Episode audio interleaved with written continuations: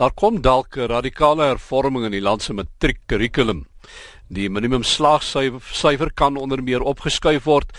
Wiskunde verpligting uh, kan ook verpligtend gemaak word. Nou 'n verslag van uh, aanbevelings vir deur 'n ministeriële span onder opdrag van die minister van basiese onderwys, Angie Moshega, word nou deur die departement en die minister bestudeer waarna aankondigings daaroor gemaak sal word. Nou ons praat nou met 'n onderwyskenner, dis professor Kobus Marie van die Universiteit van Pretoria. Kobus môre.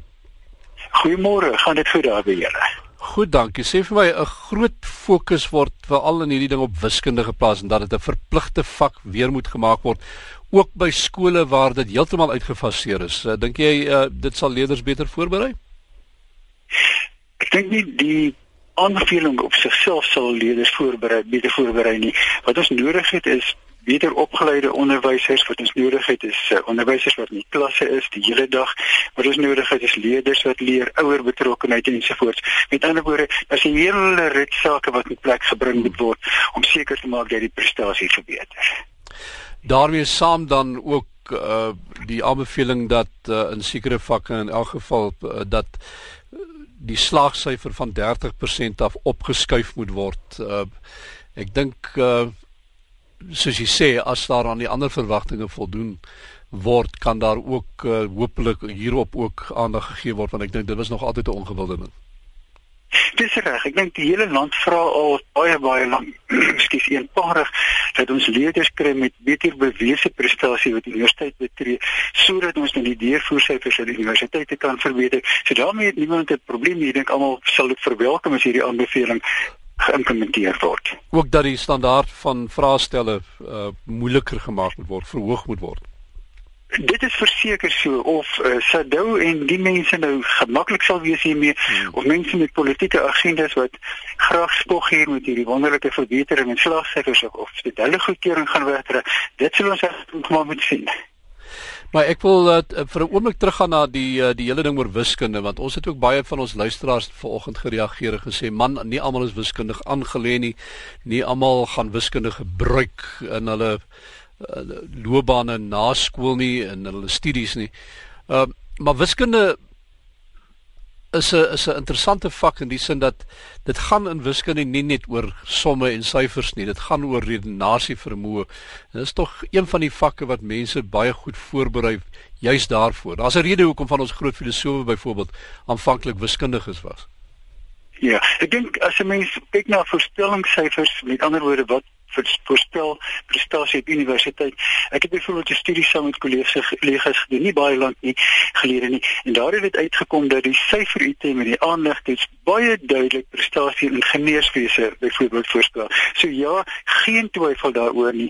Wiskunde en spesifiek in die probleemoplossingsvaardighede, die metakognitiewe denke en al daai goedjies wat daarmee saamgaan, rus mense eh, beter toe vir universiteitsstudie as daarsonder. Maar ek dink as jy net na die ander films mooi kyk, Wat hier gevra word is dat alle skole wiskunde moet aanbied. Hmm. En sekere skole in die land bied glad nie wiskunde aan nie. Hulle bied wiskundige geletterdheid aan. Ek dink dis die groot verskil hierso. Maar weer eens die die voorwaarde, dan moet ons goed opgeleide wiskunde onderwysers kry. En dan moet ons ook die politieke onderop nou slag heeltemal uit die uit die vergelyking haal. Ek het dit al baie keer gesê en ek wil dit baie graag hier herhaal al duisende duisende onderwysers. Ek gee nie om of hulle wit of groen of pink of swart is nie. Het pakkette geneem, onderwys verlaat het. Maak dit vir hierdie mense die moeite werd. Ek wil die regering maar 'n bietjie op die knie gaan staan en soek wat by hierdie mense. Wil julle nie asseblief kon help ons is in 'n noodsituasie. En ek bedoel regtig wat ek sê. Nie anders omdat mense moet verleef voel en en en voel hulle is oorbodig nie. Ek sê weer die regering moet maar 'n bietjie op die knie gaan staan by die hande saamvat en sê jong, wil julle nie asseblief ons kom help nie. Ons vir dubbel julle salarisse. Ons verdriedubbel julle salarisse. Ons is in 'n noodsituasie.